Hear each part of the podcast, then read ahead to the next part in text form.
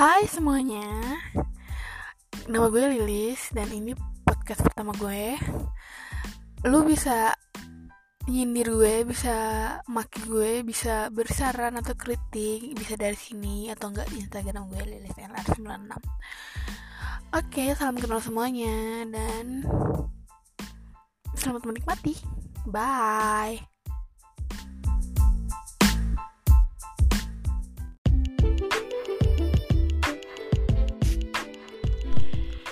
semuanya, ini podcast kedua setelah pose pertamanya itu Hai. Di sini gue mau ngebahas hmm, lebih ke apa ya? Ke pengalaman aja deh, pengalaman gue pertama kali gue naik gunung. Jadi dari alasan gue suka naik gunung sampai ketagihan naik gunung. Jadi dulu itu sebelum gue pacar sama pacar gue yang sekarang gue punya pacar yang namanya itu tit nggak boleh gue sebutin. Menjaga kode etik. Nah pacar gue yang sebelumnya sebelumnya itu eh sebelumnya itu dia tuh suka banget naik gunung. Bukan suka banget ya soalnya dulu tuh pacar gue yang mantan pacar gue itu adalah orang eh, tinggalnya di Ambon otomatis kan gunungnya dikit kan maksudnya cuma Binai doang yang lainnya bukit-bukit doang. Ya, banyak kan laut. Nah dia tuh suka sama namanya eh dia itu ikut mahasiswa pencinta alam. Nah nah karakter gue ini kan saat pacaran sama dia yang kemayu kan yang nggak tahu apa-apa gitu. Pokoknya yang yang dulu tuh belum tahu apa-apa cuma tahu cinta doang cinta doang cinta doang. Nah kita aja pak nah waktu terus itu gue mulai menyukainya itu pas dia mutusin gue dia memilih sama cewek lain. Sedih banget anjir. Dan akhirnya gue balas dendam kalau gue juga bisa gitu loh. Maksudnya dulu tuh setiap gue ingin masuk dalam dunia kayak gitu dunia naik-naik gunung traveling gitu-gitu dia selalu ngarang karena dia mikirnya cewek itu nggak bisa cewek itu mending di rumah aja deh. Karena dia udah ngecap gue sebagai cewek yang ayu kelihatannya.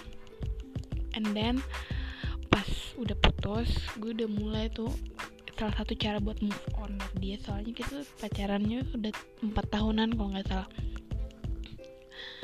Nah salah satu cara buat move on itu yaitu gue yang ikut kegiatan-kegiatan mulai dari uh, gue coba-coba masuk mesin band fakultas ya. Eh universitas. Tapi cuma selang berapa hari aja gue langsung keluar. Gue coba-coba apa sih? Eh kalau ikut pers itu udah lama sebelum itu tapi semenjak gue putus itu gue udah udah semakin rajin datang rapat datang buat diskusi gitu-gitu sampai akhirnya gue kepilih jadi eh, apa sih apa sih kemarin gue jadi apa sih? Nah gitu deh. Pokoknya yang paling tinggi banget. Tapi cuman untuk satu episode doang. Nah setelah itu akhirnya gue bilang ih ya udah deh gue nih gue pas jalan pulang itu oh ya jadi pas gue jalan pulang ke rumah itu kan waktu itu gue masih jalan karena mau ada motor.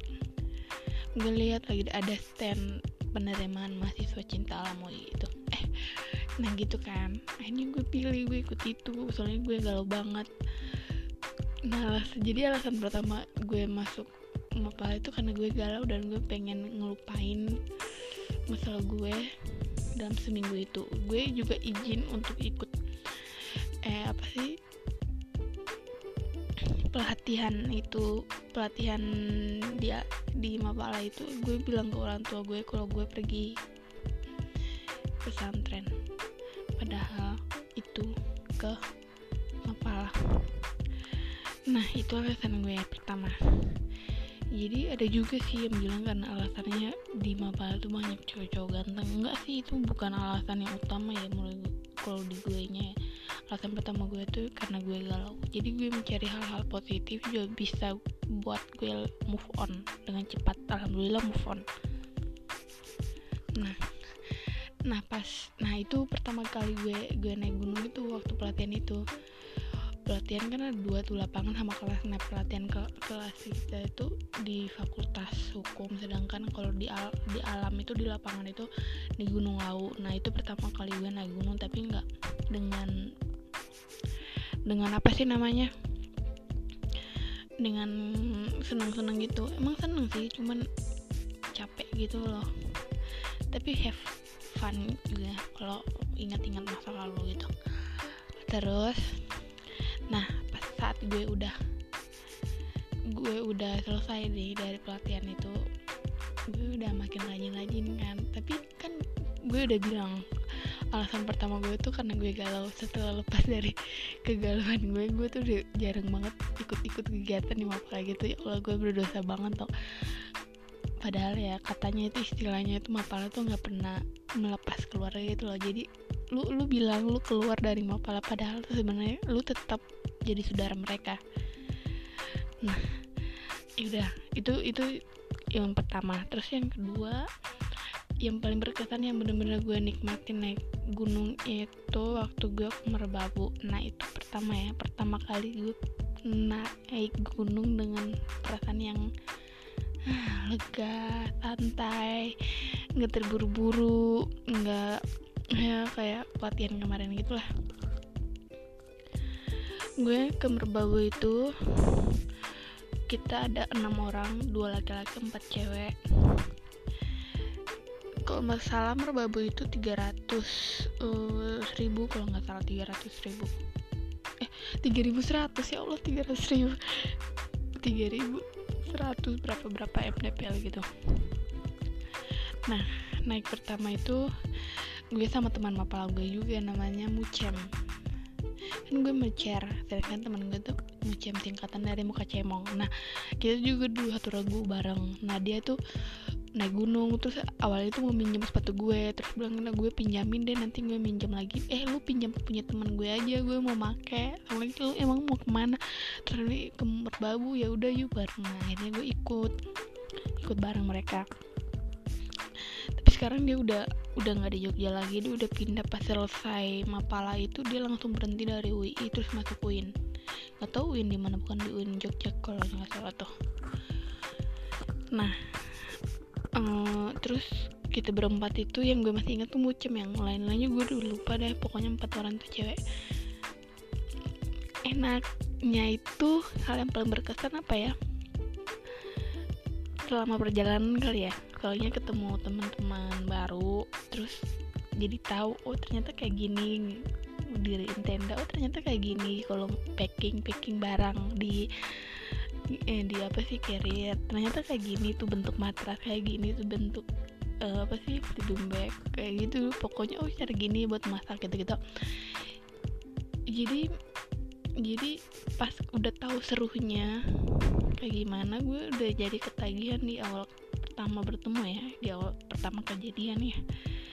Jadi mikirnya enak banget nih kalau kayak gini. Terus yang paling paling enaknya lagi yang paling gue momen yang nggak bisa gue lupain itu pas udah sampai puncak. Kan kita nggak bawa barang tuh kita nggak bawa barang. Yang barang-barang kita tuh ditinggalin di tenda di pos terakhir sebelum puncak. Nah yang enaknya itu gue sama Mucin teman gue itu kan kalau nggak salah ya kalau nggak salah itu di puncak Merbabu itu ada makam makam gitu. Kalau nggak salah makam apa pokoknya yang seingat gue itu makam. Nah makam itu gue taruh eh gue taruh astagfirullah. Gue taruh matras di situ. Nah itu kita sampainya jam 7 pagi dan itu capek banget di puncak walaupun jaraknya nggak sampai emang sih jauh tapi nggak jauh-jauh banget gitu loh. Jadi bisa cepet gitu cuman berapa menit satu jam langsung sampai.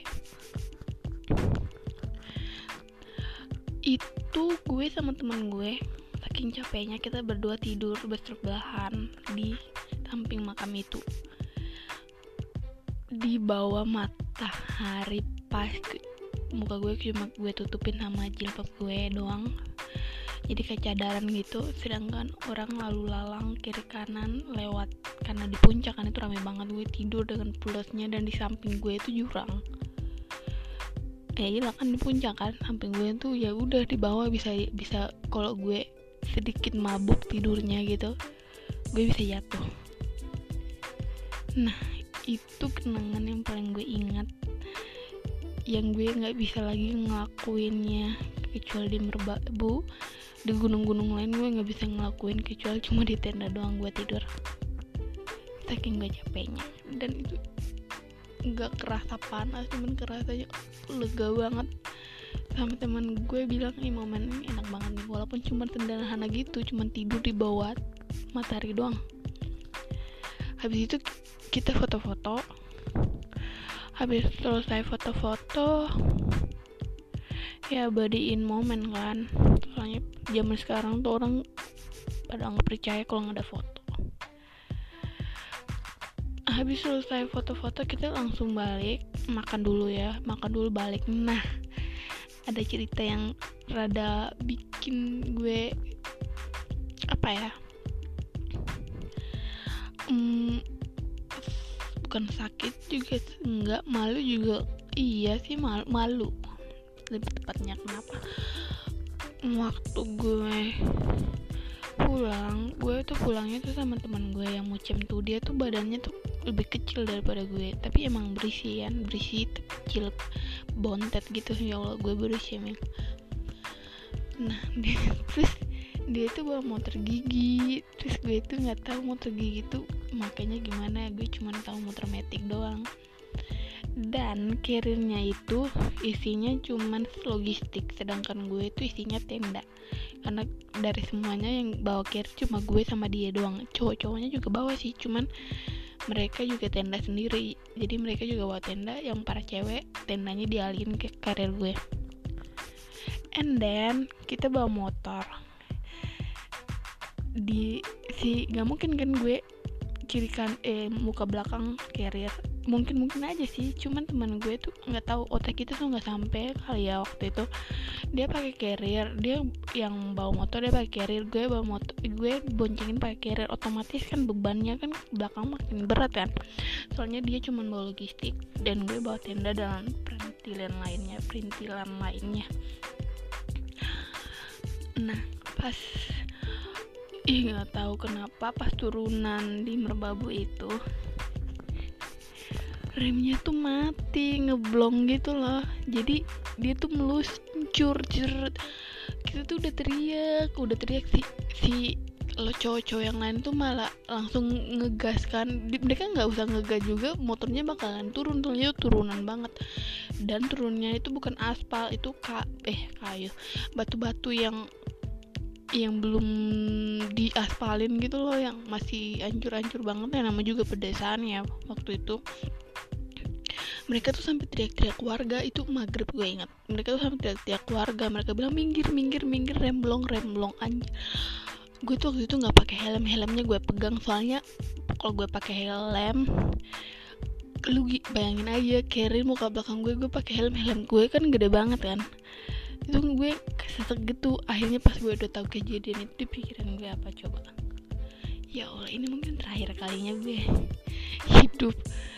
Terus gue nggak izin sama keluarga gue gue nggak izin sama mama gue gue cuma bilang eh gue nggak izin pokoknya gue matiin hp akhirnya gue nangis gue pakai helm ya udah biarin misalnya helm ini nggak melindungi ya udah gue gue ya udah gue pokoknya syahadat syahadat gitu aja temen gue sampai nangis gue juga sampai nangis. Soalnya kenceng banget apalagi beban di belakang tuh kan berat kan. Dia makin otomatis makin bikin ken makin bikin kenceng kan. Terus nah ujung dari jalan itu adalah per, per jalan gede. Jadi kita tuh masih jalan des desa gitu yang belum beraspal. Nah ujung dari itu udah aspal dan itu jalan gede jalan apa sih kalau berbau itu masuk mana ya? Nah gitu pokoknya jalan provinsi lah gitu ya istilahnya. Terus itu pada lalu lalang itu e, dua arah kalau nggak salah gue ingatnya itu. Kalau kita berhenti di situ otomatis kita ketabrak kan? Nggak mungkin nggak. Soalnya ini kenceng banget sumpah. Akhirnya gue udah bilang ya udah mending lu tabrak batu. Gue bilang cem tabrak batu cem tabrak batu. Di depan masjid itu tabrak batu. Gila batunya tuh gede banget. Mending tabrak itu daripada lu tabrak ditabrak orang ditabrak mobil kan. Setidaknya lu punya sedikit percaya kepercayaan diri lo bahwa lo masih bisa hidup walaupun lo tabrak batu doang. Dengan kecepatan yang nggak tahu lah itu berapa kilometer per jamnya. Nah akhirnya dia menabrak batu kan kita nggak ada pilihan lagi kita nabrak batu. Dia itu kelempar jauh banget. Gue yang seingat gue gue kepala gue helm gue lepas terus kepala gue kejedot batu batu yang gue mau tabrak ini. Sedangkan teman gue udah nggak tahu di mana. Pas gue berdiri itu gue udah dalam posisi kaki gue itu dua-duanya kejulur gitu dan gue duduk. Nah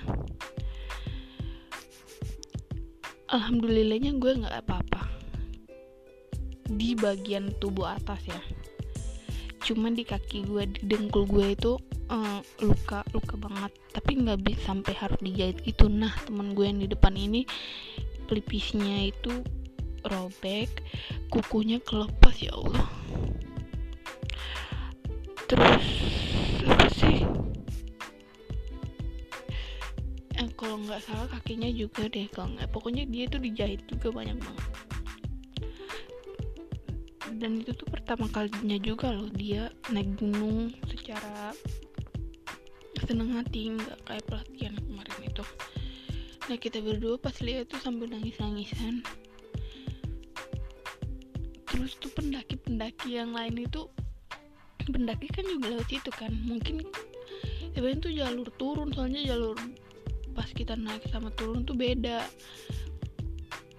Tapi nggak tahu ada juga pendaki yang naik lewat situ.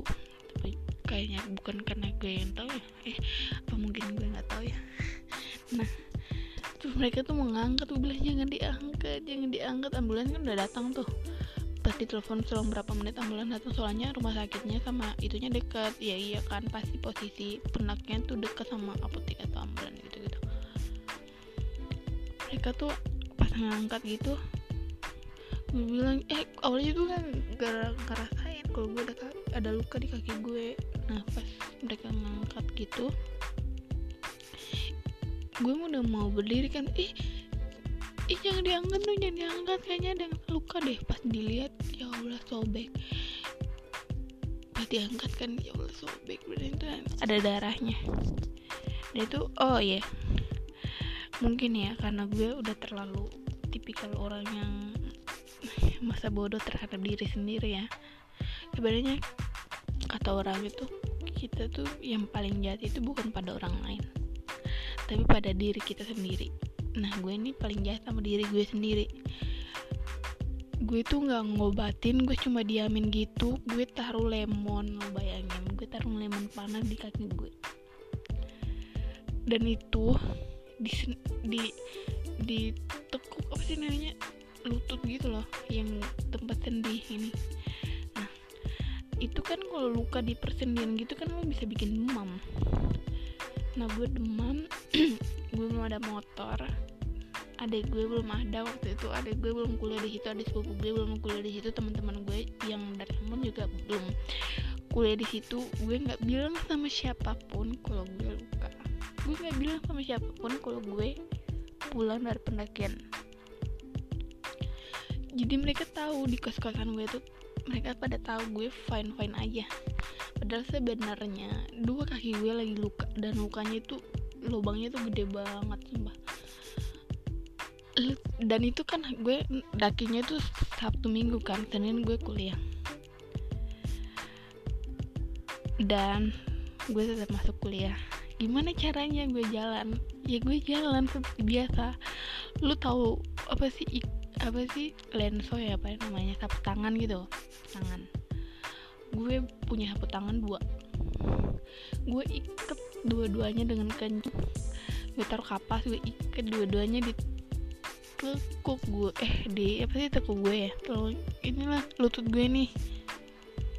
Ditekuk sendi gue nih persendian gue kaki gue nih biar apa? Biar dia tuh nggak nggak nggak bergesekan sama celana gue. Soalnya kalau bergesekan sama lukanya sama celana gue anjir sumpah sakit banget ya Allah. Gue tuh sampai mau nangis. Nggak ada yang tahu di sekolah nggak ada satupun yang tahu. Kalau gue luka di dua kedua kaki gue itu. Gue nggak mungkin pakai plester cuy. Soalnya tuh dagingnya itu udah gimana lu bayangin aja plaster sekerekat itu tim ah ya ampun. Nggak kuat deh terus habis itu nunggu keringnya itu mungkin satu bulan ya. Jadi gue tuh waktu masih sakit itu gue selalu duduk di depan. Kenapa? Karena di depan depan kedua ya maksudnya. Karena always ya depan pertama itu nggak ada orang nggak ada orang yang mau duduk di depan pertama langsung berhadapan pas kalau lagi bimbingan sama dosen gitu. Nggak ada. Jadi gue milih yang kedua kenapa? Karena biar gue taruh kaki gue satunya eh dua-duanya itu di kursi depannya. Jadi kayak selonjoran gitu. Soalnya kalau gue li gue duduk dengan normal ya ya ampun sakit banget. Terus pas udah sembuh sembuh sampai segini gue mikirnya ya ampun gue kuat banget ya.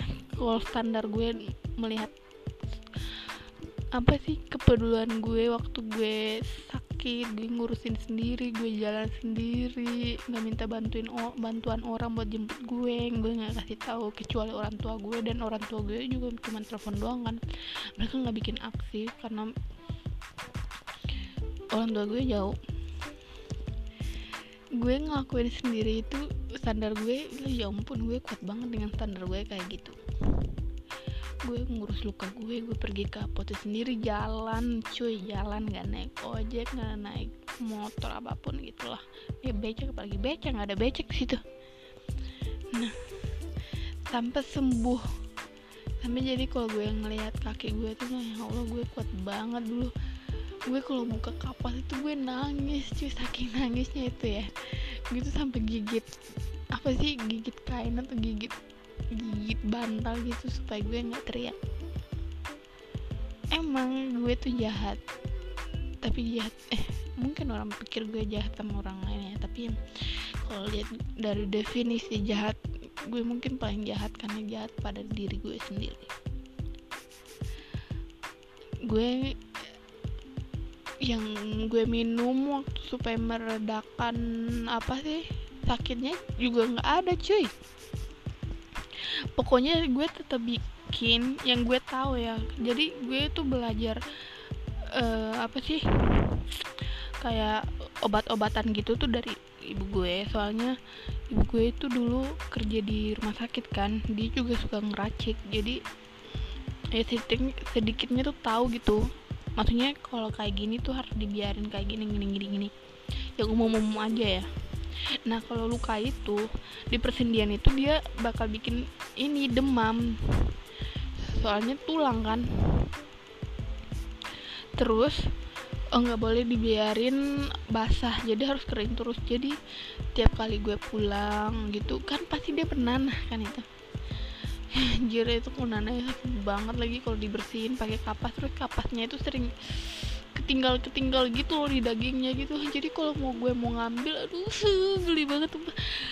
Mau ngambil kuku gue kalau misalnya panjang ya. Kan dia nyangkut gitu. Oh, sumpah sakit banget. Lebih sakit. Tapi kalau basah dia nggak sakit. Maksudnya saat dia belum kering kering banget gitu loh. Itu nggak sakit tapi kok sudah kering terus dia nyangkut di sela-sela gitunya lah sakit banget kalau ditarik kapasnya itu itu kenangan yang kenangan lah dari merbabu ya.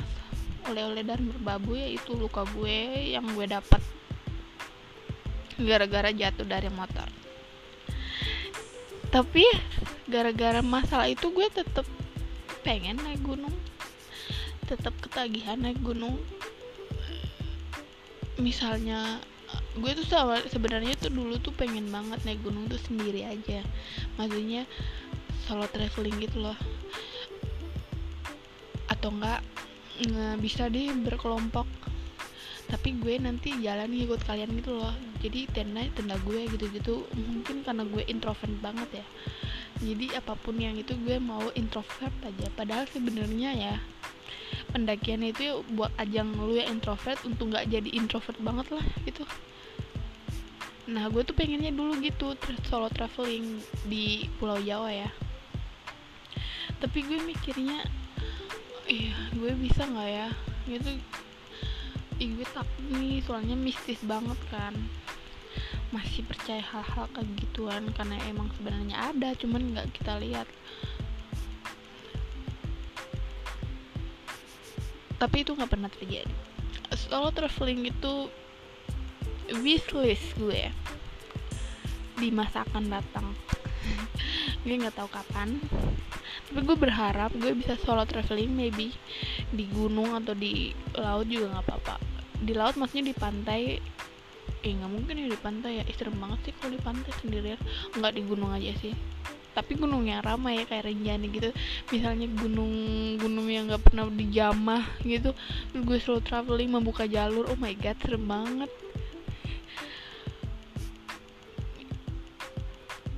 Ngomong-ngomong soal buka jalur ya jadi dulu waktu mapala itu kita juga diajari diajarin cara buka jalur. Jadi kita buka jalan gitu. Jadi dikasih ih, dikasih apa sih namanya parang. Satu-satu cewek cowok dikasih parang buat buka semak-semak belukar gitu buat lu jalan sendiri. Sesuai sama kompas yang dipunyai dipegang abang-abang kakak-kakak kita gitu loh.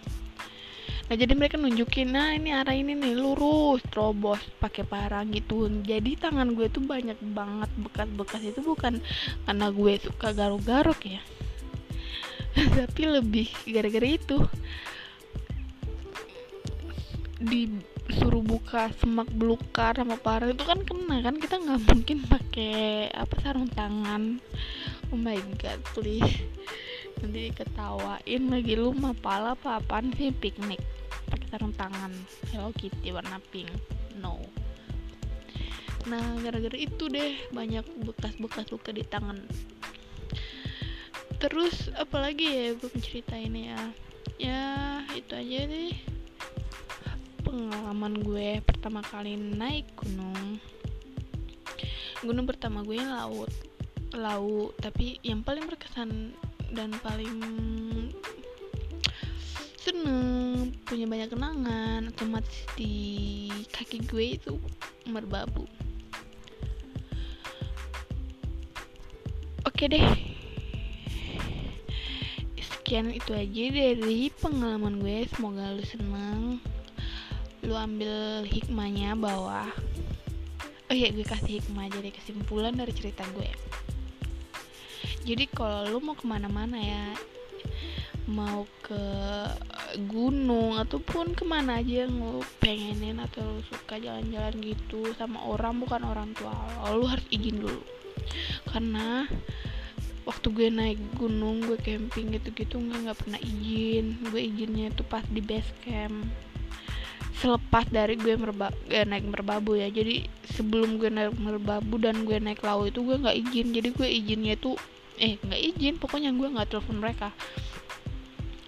Jadi izin orang tua itu penting banget buat mereka. Tahu anaknya mau ke sini mereka bisa doain. Kasih apa gitu. Doa doa buat selamat dengan dengan eh buat eh, pulangnya dengan selamat selamat dengan pulang maksudnya. Nah kayak gitu. Karena puncak sebenarnya itu ada rumah itu kata orang-orang ya. E, terus apalagi ya?